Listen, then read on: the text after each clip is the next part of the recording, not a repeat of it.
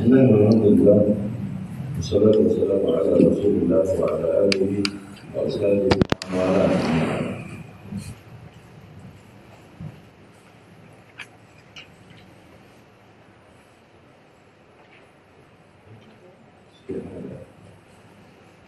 Kita teruskan pembahasan kita dari kitab Sayyidul Quran. Sini Syekh Hafizahullah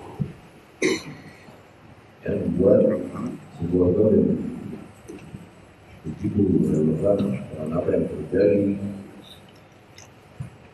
terutama di era ini dari kekeluaran praktek Islam yang dilakukan oleh kaum umumnya kaum muslim. بل استعمال شدة الإنكار على المبتدئة لا يقل ولا للكفار menggunakan cara yang keras di dalam mengingkari ahli bid'ah ini tidak bermakna keloyalitasan kita kepada kafir ya bukan maknanya keloyalitasan kita kepada kafir ya. karena kan sebagian kaum ya, kita mau di masa ini ya eh, mereka berreview ya Oke apa? Ketika melihat ketegasan ahli di dalam mengingkari bid'ah dan kehidupan, sudah mereka menggunakan jurus di antara jurus-jurus banyak. Kok kepada liberal tidak sekeras demikian, kok kepada kafir tidak sekeras demikian, kok kepada pemerintah yang zalim tidak sekeras demikian, tapi kepada muslim yang berjuang dan lain-lain itu tidak begitu keras terus begitu saya tidak begitu tegas mengingkari mereka suka begitu kan?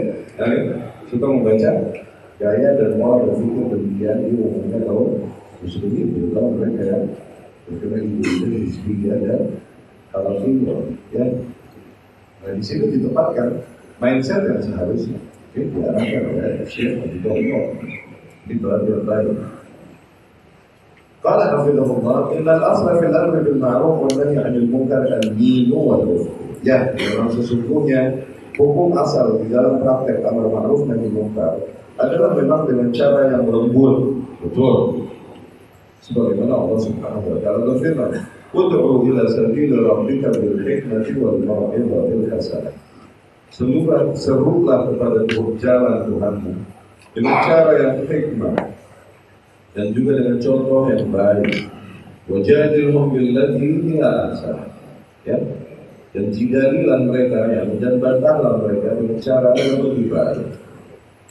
Wa qala li Musa wa Harun, maka Allah berkata kepada Musa dan Harun alaihi salam, "Idhaba ila Fir'aun innahu tagha." Pergilah kalian berdua hampir Fir'aun, sesungguhnya dia telah berbuat keterlaluan. Faqula lahu qawlan layyina la'allahu yatadhakkar aw yakhsha. Dan katakanlah oleh kalian berdua kepada Firaun perkataan-perkataan yang lembut. Siapa tahu dengan itu yang menjadi insan, menjadi takut kepada Allah Subhanahu wa taala. وعن عائشة زوج النبي صلى الله عليه وسلم عن النبي صلى الله عليه وسلم. Dari Ummul Mukminin Aisyah radhiyallahu anha, Nabi sallallahu alaihi wasallam bersabda, "Inna rizqa la yakunu fi syai'in illa zana."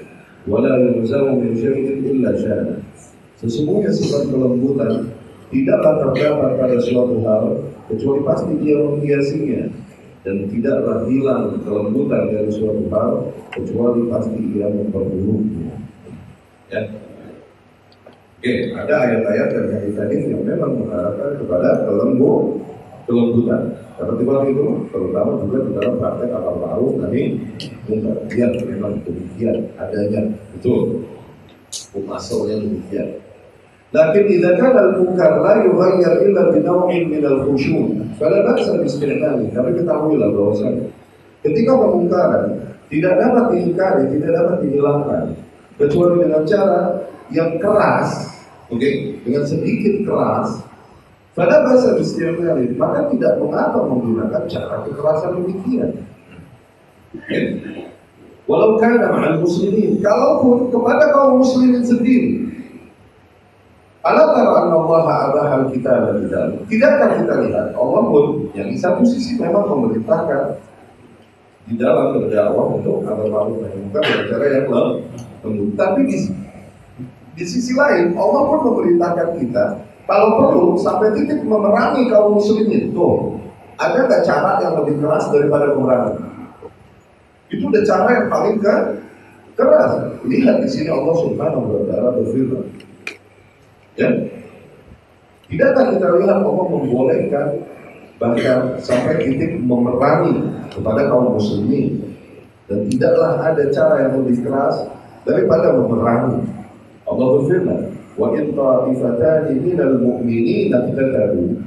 Dan apabila dua kelompok dari orang-orang yang ber, beriman, itu ya. Allah bilang orang beriman, bukan kafir. Dua kelompok dari orang yang beriman berperang satu sama lain. Fa'aslihu bainahuma, maka damaikanlah mereka berdua. Wa in barat ihdahuma 'ala al-ukhra, tapi apabila salah satu kelompok mulai melanggar dan mulai menyerang yang lain, jadi satu kelompok beriman menyerang kelompok beriman yang lain, faqatilul lati tabghi. Maka perangilah mereka kelompok kaum mukminin yang mulai berlaku buat tersebut hatta tafi'a ila amrillah sehingga mereka kembali ke jalannya Allah. Tuh. Satu sisi Allah memerintahkan kelembutannya, Iya. Tapi sisi lain memerintahkan cara yang keras, bahkan sampai memerang. Memerangi, memerangi itu ngangkat senjata, bro. Memerangi apa sih artinya? Eh, diapain sih diperangin? Politikin, oleh sendiri. Eh? Atau sampai titik ditumpahkan darah. Memerangi itu diterjemahkan dengan bahasa. Ya, وقد يشتد المؤmin fi inkarihi ala akhihi akthar minhu adubi. Maka bisa jadi seorang mukmin mesti mengingkari kepada saudaranya sesama mukmin dengan cara yang lebih keras daripada pengingkaran dia kepada musuhnya dari golongan kan dari golongan kafir. Alam tara kaifa lana Musa alaihi salam ma'a Fir'aun wa ishtadda ala akhihi Harun alaihi salam. Tidakkah kau lihat praktek Musa? Musa alaihissalam menghadapi Fir'aun dengan kata-kata yang lembut, iya kan? Tapi menegur saudaranya dengan cara yang keras, dijemput, diseret Harun alaihissalam. Tuh, siapa yang berani bilang bahwa saya Musa lebih loyal kepada kaum Fir'aun? Dan dia bilang ditarik jambutnya. Eh?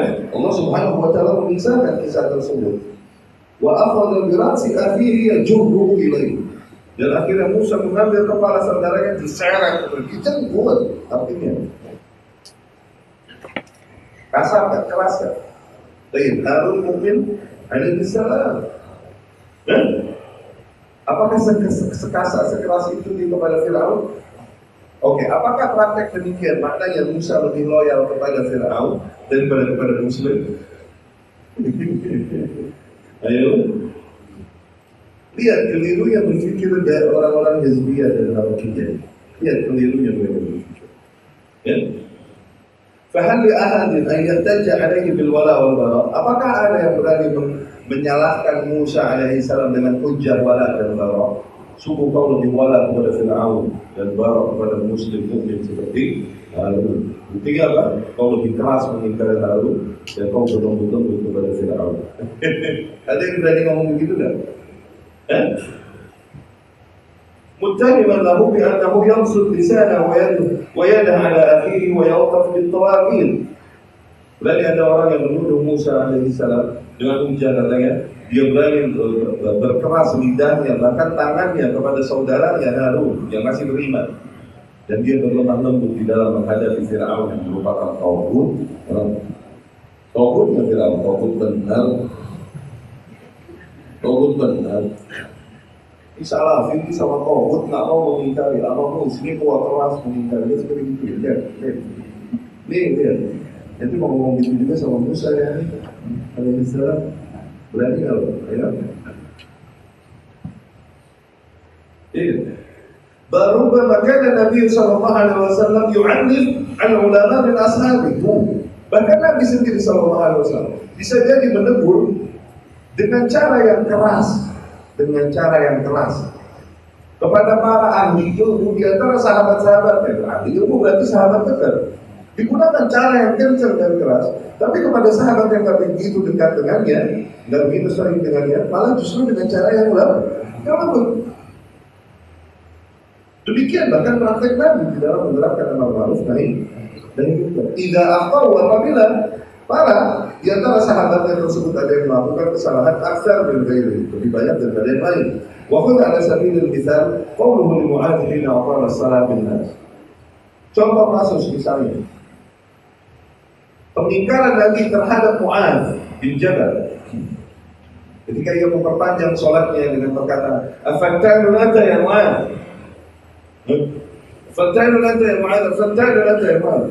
Apakah kau pembawa fitnah ya Mu'adz? Apakah kau pembawa fitnah ya Mu'adz? Apakah kau pembawa fitnah ya Mu'adz? Mu'adz ini musuh bukan? Musuh Nabi bukan Mu'adz? Atau orang yang sangat loyal kepada Nabi? Awam atau ahli ilmu? Ahli ilmu. Tapi sekencang itu Nabi menunggu Sallallahu Alaihi Wasallam. Ini kasus di mana uh, Mu'ad uh, sholat sholat isya berpanjangan okay? jadi kaumnya Mu'ad itu meminta kepada Mu'ad untuk ya umum mengimami mereka sholat isya. Mu'ad berkata aku sholat bersama Rasul Sallallahu Alaihi Wasallam di pusat di masjid tapi kalau kalian setelah sholat aku pulang aku akan mengimami kalian. Saya. Jadi mereka lakukan sampai kaumnya Mu'ad mengimami mereka dengan sholat sholat isya. Faftah bin Bakar Mu'ad membuka sholatnya okay. dengan surat Al-Baqarah. Al-Baqarah ini dua setengah juz cerita sholat isya. Eh? Cerita sholat isya. Faftah bin Bakar. Akhirnya seseorang di antara kaumnya mundur meninggalkan barisan sholat itu dan sholat sendiri. Setelah sholat sendiri dia pulang. Setelah sholat, beberapa orang mengadu, mengadukan kepada Mu'ad, Mu'ad, kesimpulan itu dia mundur sendiri, sholat sendiri, meninggalkan jamaah, dan dia pulang. Mu'ad langsung menghubungi, namun munafik, sesungguhnya dia adalah seorang munafik. Kan? Dia tuh tidak bisa satu orang. Lagi, itu dikatakan munafik sama Mu'ad. Tuh, gitu. Marah lagi ya Allah, demi Allah, bukan aku munafik dan demi Allah aku akan adukan kepada Rasul Sallallahu Alaihi Wasallam diadukan kejadian tersebut oleh orang yang berasal dari ini diadukan kejadian tersebut kepada Rasulullah Wasallam. Ya Rasulullah, Inna ashabun nawabir Sesungguhnya kita ini para pengembala Gembala ini pergi gelap pelan-pelan. Kalau kambing atau gembala Jadi pergi gelap waktu masih adem. Iya kan? Sebelum panas. Jari apa ya? Jari rumput-rumput. Jari rumput di padang pasir. Masih jauh kan dari rumah? Jauh susah Dapat mau pulang panas nggak? Tunggu gelap lagi, tunggu adem baru pulang Tuh Iya kan? Dan kita pengen nyampe rumah ini maksudnya sholat, terus istirahat. Besok pagi pagi banget kita mesti mulai. Eh muat gimana kita sholat isya? Oke al-baqarah ya Rasulullah. Akhirnya aku mundur sholat sendiri dan muat berkata bahwasanya aku munafik. Dan di situ teguran Rasul Shallallahu Alaihi Wasallam dengan keras kepada Mu'ad bin Jabal. Tapi ini kisah ada kelanjutannya. Ya orang masih berdebat kepada Allah Anhum Ya Rasulullah lawil taqat jam'an saya lemah. Ya Rasulullah lihat nanti. Apabila dua pasukan bertubrukan, yakni kita perang. Apabila nanti kita perang, oke? Okay? Dengan kafir, dengan musyrik, nanti Mu'ad akan tahu belum tentu. Dan benar ternyata lama keseluruhan perang. Terlihat muslim Yukatil dia berperang dengan menjawab dengan dengan pengorbanan dan dengan sungguh-sungguh yang begitu heroik dia berperang dan terbunuh. Oke, okay? akhirnya Rasul berkata kepada Muhammad, maafkan Rasulullah. Nah, gimana kabar perasaan kamu yang kemarin? Dan Muhammad berkata, "Kadzabani dan sungguh perasaan kamu telah mendustai." Ya, dan demikian kerasnya teguran Rasulullah SAW kepada Mu'ad bin Jabal radhiyallahu Ya. Tapi sebaliknya justru kepada Arabi, kepada seorang Badui yang kencing di dalam masjid itu parah nggak kesalahannya? Badui, ya. Sebagaimana diriwayatkan di Sahih Bukhari dan lain-lain, begitu lembut Rasulullah Shallallahu Alaihi Wasallam. Iya kan? seorang badui kencing di masjid dan para sahabat marah mau memukulinya, mau menghentikan kencingnya. Rasul malah menahan mereka dan berkata, la, la tazrimu, la taqtaru alaihi bawla. Biar biar dia selesaikan kan kencingnya biar biar. Wasattu alaihi dhanuban bima. Habis itu nanti kalau sudah selesai baru silakan. Setelah itu baru Rasul memanggilnya dan menasihatinya dengan cara yang dia baru ini nggak tinggal bersama para sahabat di sekitar Rasulullah Shallallahu Alaihi Wasallam. Ya, dia tinggal di gunung-gunung, di bukit-bukit, di suami sama batu, sama kambing. Oke? Nggak hidup bersama orang-orang perkota, perkotaan. Biasa di gunung. Kalau ngomong keras. Kenapa? Susah kebawa angin suaranya kalau keras. Kalau ngomong berdua gitu, angin kencang, gunung. Kalau ngomong pelan, suaranya hilang.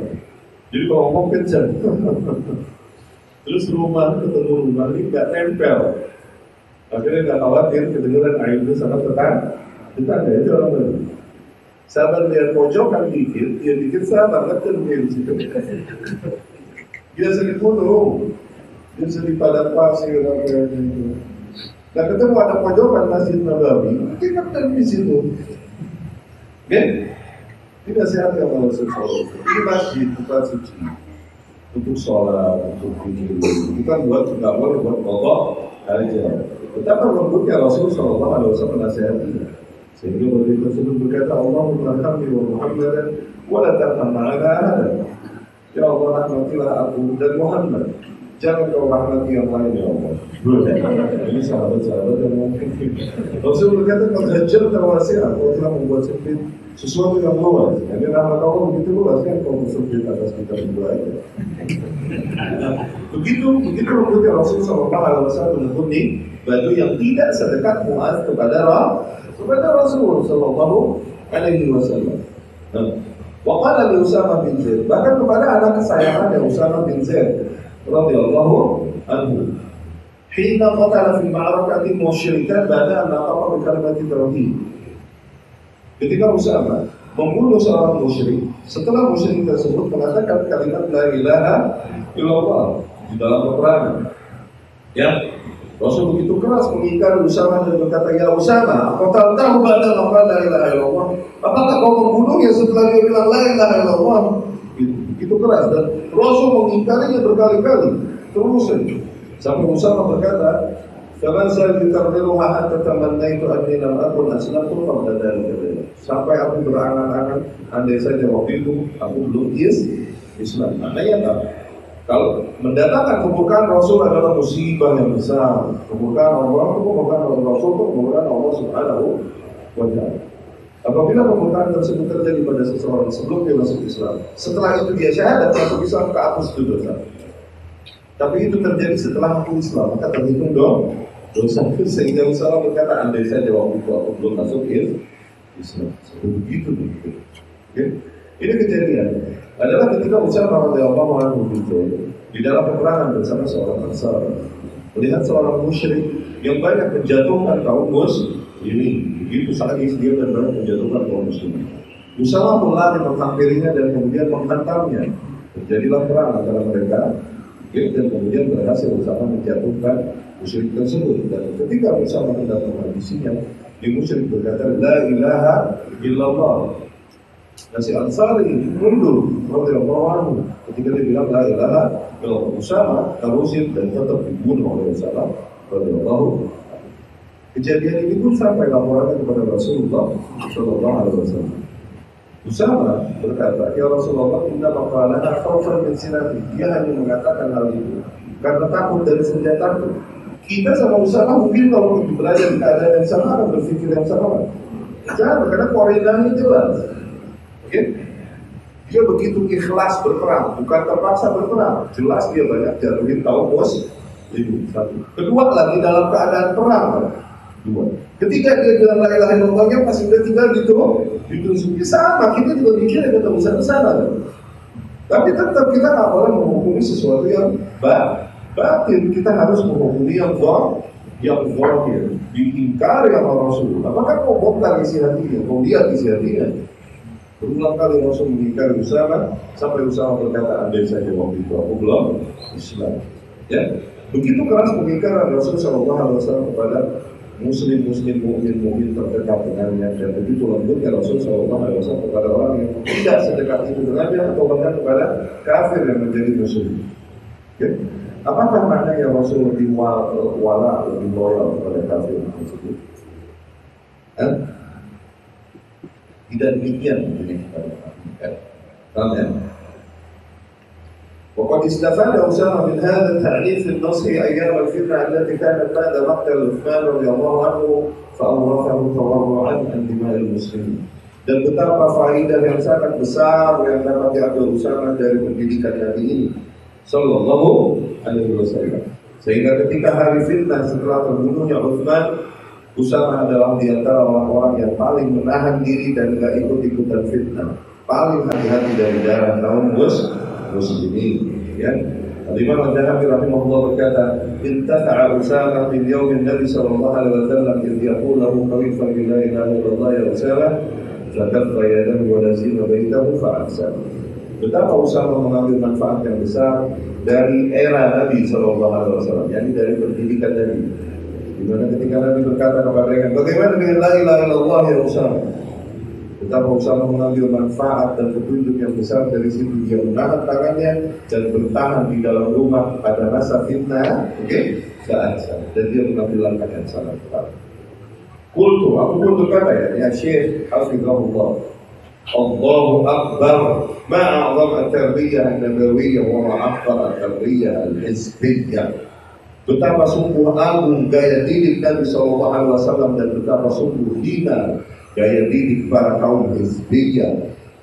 التي من يوم أن حرمت أصل الرد عن المخالف وأبناؤها لا يتورعون دماء المسلمين اتخذوها هدرا باسم الجهاد yang dimana mereka Sejak mereka mengharapkan diri mereka dari membantah orang yang bertentangan, orang yang bertentangan dengan usul hak, mereka mengharapkan hal itu kan, tak boleh membantah satu sama lain.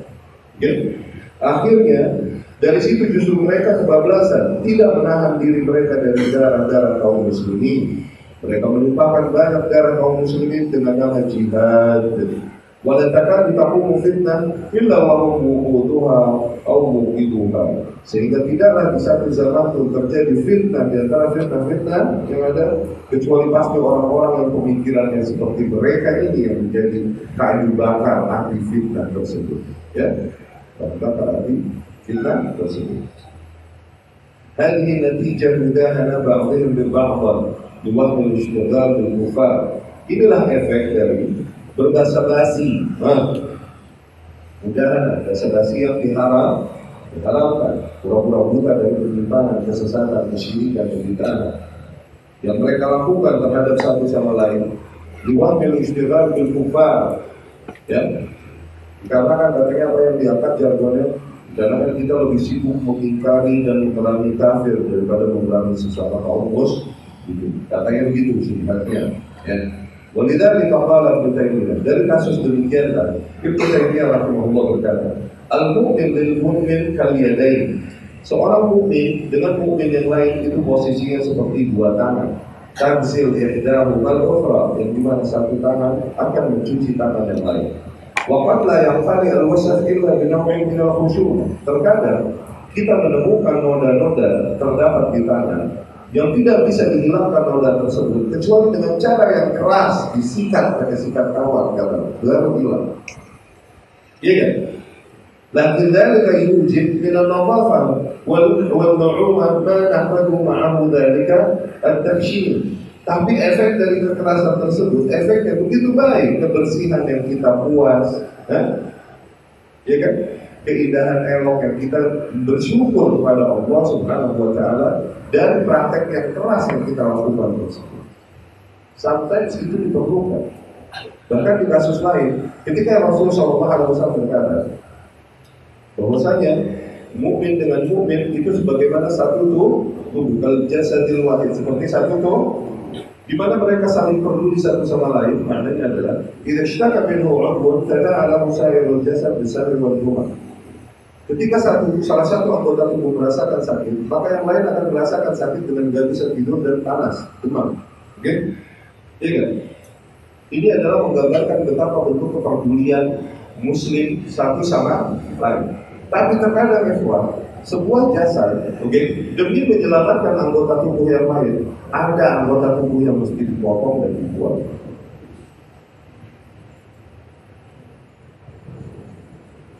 Sama. Yang nggak bisa diberesin dengan cara lembut dicorek-corek di pusat-pusat. Kalau karena mesti diamputasi untuk demi menyelamatkan anggota tubuhnya. Demikian jasa satu sama lain. Ya. إذا فهذه اللين إذا فهذا اللين الذي تستعمله كثير من الجماعات الإسلامية مع أفراد أو جماعات من حلقة المتهورين. maka gaya berlembut-lembut tersebut yang digunakan oleh mereka yang digunakan oleh para ormas-ormas tersebut kepada individu-individu atau kepada ormas-ormas yang lain gaya berlembut-lembut dan berdasar-dasar tersebut adalah termasuk kengacauan dan kebodohan orang-orang yang keder. Alladzina katsiran ma yantasibun fi isti'da' al-a'da' 'ala al-muslimin. Laisa min al-wala fi syai' di mana mereka sering kali berhujah dan berjargon bahwasanya yang kita musuhi bukan kaum muslimin, yang kita musuhi adalah musuh-musuh kaum muslimin. Nah praktek demikian demi Allah sama sekali bukanlah bentuk wala, bentuk loyalitas kepada kaum muslim. Bentuk loyalitas yang tepat tidak demikian. Di anam yaziduhum igraqan fi dhalalihim. Dikarenakan basa-basi dan kelembutan demikian. Malah justru memberikan kesempatan kaum muslimin yang lain untuk nambah dalam dan nambah larut di dalam kesesatan mereka. Karena kita nggak mengingkari mereka. Diadam syumurihim bi'azam al-jinayah Dan mereka tidak menyadari betapa besarnya kekeliruan mereka Dikarenakan kita terus berlembut-lembut dan tidak mengingkari mereka ثم إن الشدة المسلوكة مع المسلمين أحيانا بعيثها الكثيرة عليهم من أن يروا ملطخين بشيء من القاذورات والسعي في تمكين الصف وصد خروجه حتى لا يؤتى من قبله فليعلم Dan sesungguhnya juga praktek yang kita ambil cara yang keras kadang, cara yang tegas terhadap sesama kaum muslimin ini adalah bentuk kecemburuan, bentuk kepedulian kita terhadap sesama kaum muslimin agar tidak terlihat oleh musuh adanya apa? Adanya celah di antara kita adanya celah, adanya bolong yang dari situ musuh bisa masuk menyerang kita maka kita berkeras mengingkari kaum muslimin ini fungsinya adalah sebagaimana kita menambal bolong-bolong yang ada di tubuh bangunan kaum muslimin sehingga kita tidak diserang lewat situ oleh musuh. Okay? Dan itulah hikmah, maksudnya hikmah itu. Ketika Allah berfirman, serulah kepada jalan Tuhanmu dengan cara yang hikmah. Tuh, cara yang hikmah, apakah artinya cara yang lembut? Bukan. Hikmah adalah cara yang tepat melakukan apa-apa yang sepantasnya dilakukan pada saat yang tepat untuk dilakukan dengan bentuk yang proporsional. Ketika saatnya kondisinya tepat untuk lembut, tapi cara lembut. Tapi ketika lembut nggak kena dan saatnya bukan kelembutan menggunakan kekerasan, maka pakai cara itu. Itu yang hikmah. Awas. Oke? Okay? Seringkali ahli sunnah dituduh mereka ini tidak hikmah di dalam berdakwah. Karena maksud hikmah yang ada di dalam prasangka mereka adalah senantiasa berlembut-lembut atau mungkin tidak mengingkari kekeliruan yang ada pada yang lain. Itu hikmah. Salah, bukan itu hikmah.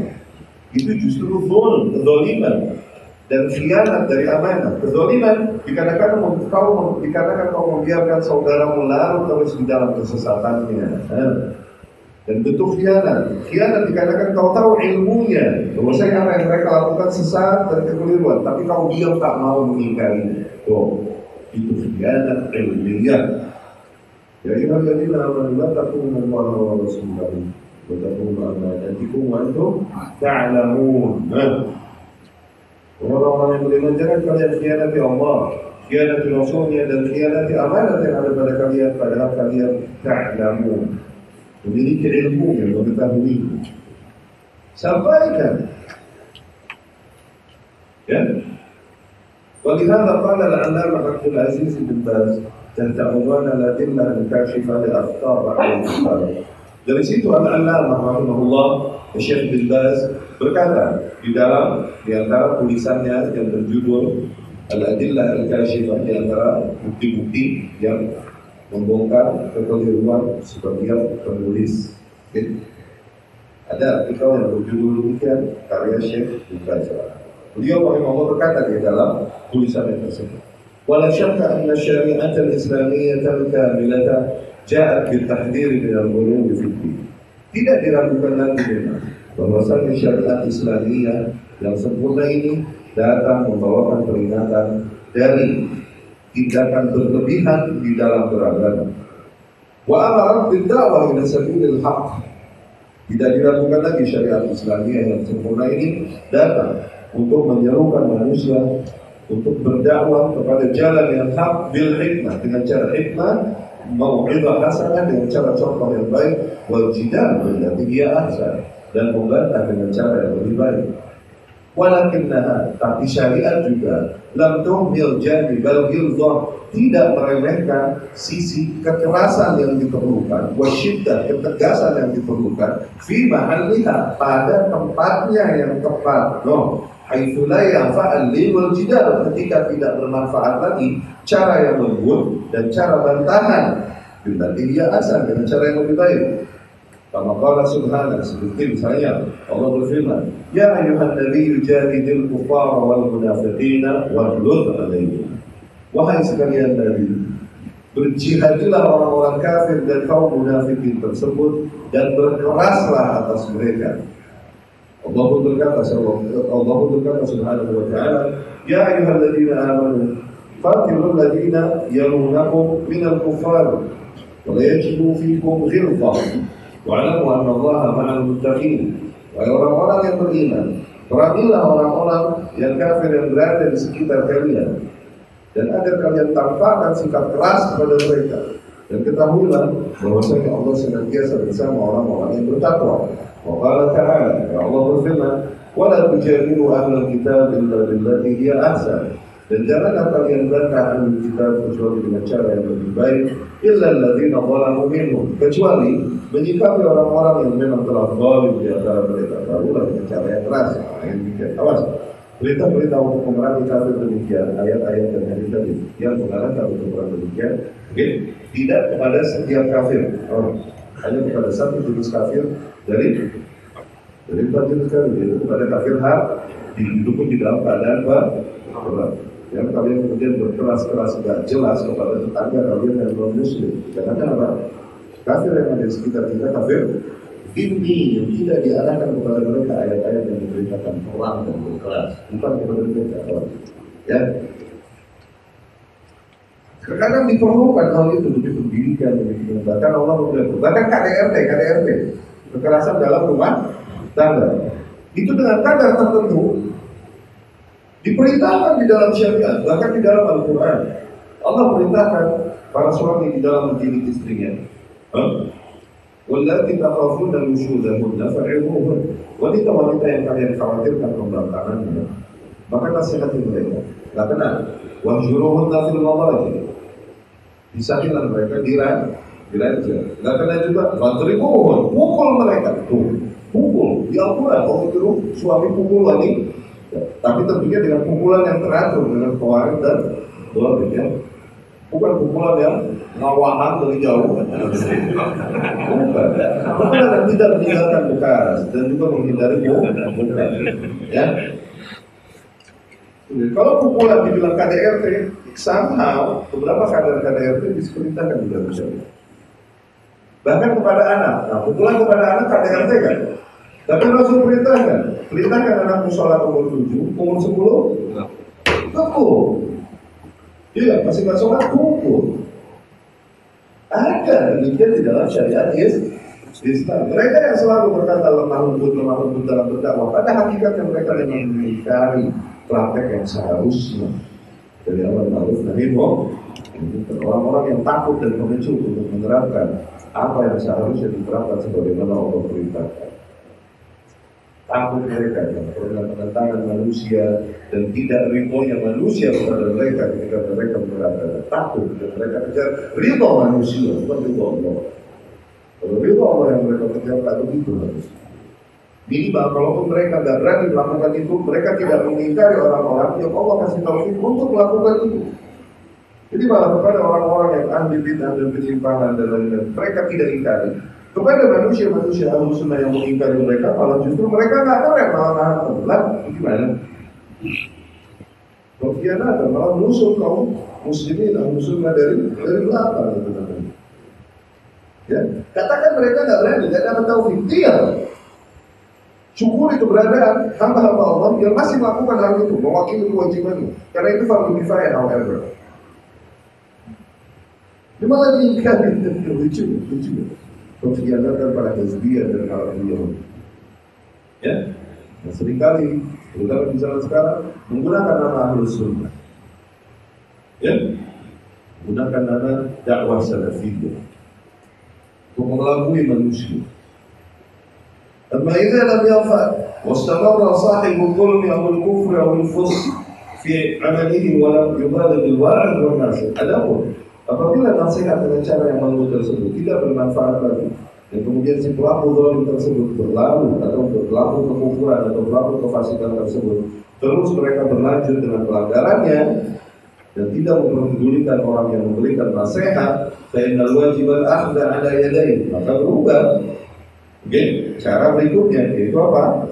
Sampai titik menarik tangannya wa muamalatuhu bisyiddah dan memperlakukannya dengan cara yang keras wa ijra' ma yastahiqqu dan menerapkan atasnya apa yang layak dia terima min iqamat hadd dari didirikan atasnya hadd atau ta'zir atau hukuman-hukuman yang ditentukan oleh penguasa atau tahdid atau minimal dengan ancaman atau taubir atau minimal dengan disebutkan keburukannya di antara manusia hatta yaqifa inda anhu sehingga dengan itu kita harapkan mereka akan berhenti wayan zajir dan batili dan berhenti dari kebatilan yang dilakukannya مع أن الذي يظهر من مجاملة الأحزاب الإسلامية لأهل البدع والسكوت عن أخطائهم هو أنهم لما حصلوا طريق أو عز عز المسلمين في صندوق الانتخابات تذمروا من النكد لأنه ربما أتلف لهم الأصوات وهكذا السيئة تتبعها أخوات Dan kemudian praktek yang dilakukan oleh para ormas-ormas yang mengatasnamakan Islam ini dengan gaya basa-basi dan diam mereka ini kepada para ahli bid'ah dan diamnya mereka dari penyimpangan kesesatan para ahli bid'ah okay? yaitu ketika mereka menjadikan sebab kembalinya kejayaan Islam itu disandarkan oleh mereka kepada kotak-kotak pemilu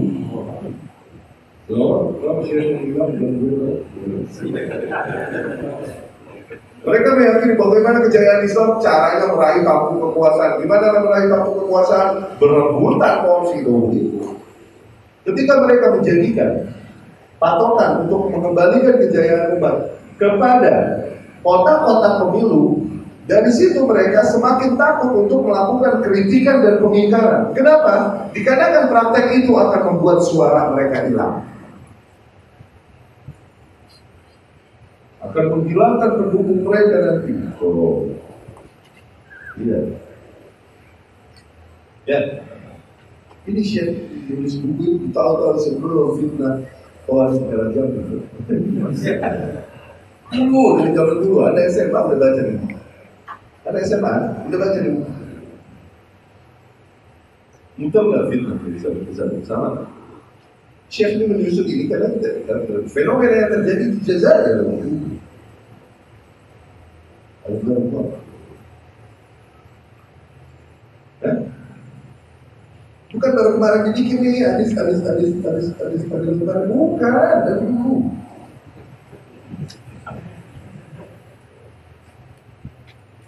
عجيب هذا ومن أجل أن الله هذا ومن أجل أن الله فرض علينا قدرا وجود المخالف الذي يحسب على الإسلام. سلكنا طريقة تصفية لأن الله فرض علينا شرعا الرد عليه كما بينته بينته في هذا الأصل Kita melakukan ini semua ini kenapa? Satu sisi memang secara qadarullah al-kauni Allah pasti harus menjadikan kaum yang bertentangan dan menentang dakwah kita. Dari sisi qadarullah kauni memang begitu kan? Perbedaan khilaf pemikiran harus ada, harus ada. Ya. Akan selalu ada ikhtilaf. Oke? Okay? Ini pada Allah kau kau ini Langsung bilang Islam akan menjadi 73 golongan. Tuh, udah ini pada Allah ini Jangan sok mes. Jangan sok pura-pura buta. Jadi itu itu nggak terima takdir namanya gitu. Orang-orang yang pura-pura buta dari perpecahan dan perbedaan yang ada itu nggak mau terima takdir hakikatnya Allah sendiri berfirman dalam ayatnya apa? dalam hal ini kalau sya'a bukan ada jalan nas. Ummatan wahidah andai saja Tuhan mau Allah jadikan manusia umat yang satu. Udah nggak ada perbedaan tapi nggak begitu yang Bapak kehendaki kan Wala yazaluna mukhtalifin dan senantiasa terjadi tim terjadilah masalah Ya kan? Dari sisi kodar kau ini emang perpecahan, pertentangan harus ada. Dari sisi kodar Allah kau niat. Tapi Allah mengkodarkan secara syar'i kita harus mengingkari mukhalif. Tuh, jangan kabur dari perang ini. Dengan pura-pura buta, udah jangan pusingkan perbedaan. Ini namanya kabur dari medan perang. Firar yang za'af itu namanya. Ya. Allah mewajibkan kita dari sisi syariatnya okay, untuk membantah mereka sebagaimana yang telah kujelaskan di dalam asal ini. Wa min ajli anna Allah kataba rif ahli ahli ilmi wa ta'lim. Kama bayyanahu fil aslain alladaini qabla hada salakna tariqat tarbiyyah so. dikarenakan Allah subhanahu wa ta'ala menjadikan kemenangan itu hanya ada pada para ahli ilmu dan orang-orang yang menyampaikan ilmu. Sebagaimana telah aku jelaskan di dalam dua usul sebelum ini dari situlah kami menempuh jalan tarbiyah ya jadi dikatakan Allah memang selalu menjadikan perbedaan dan Allah dari sisi qadar Allah kauni dan Allah Subhanahu wa taala dari sisi qadar syar'inya perintahkan kita untuk mengingkari orang-orang yang menyimpang dari situ kita mengambil jalan tasfiyah ya. oh. Dan dikarenakan Allah menjadikan kemenangan bagi para ahli ilmu dan para orang-orang yang menyampaikan ilmu. Dari situ kita menempuh jalan tarbiyah. Ini tasbiyah dan tarbiyah. Ada orang dan kita cukupkan sekian. Beberapa kami pertemuan akan datang. Masuk ke usul yang terakhir usul yang atas tiga buat dan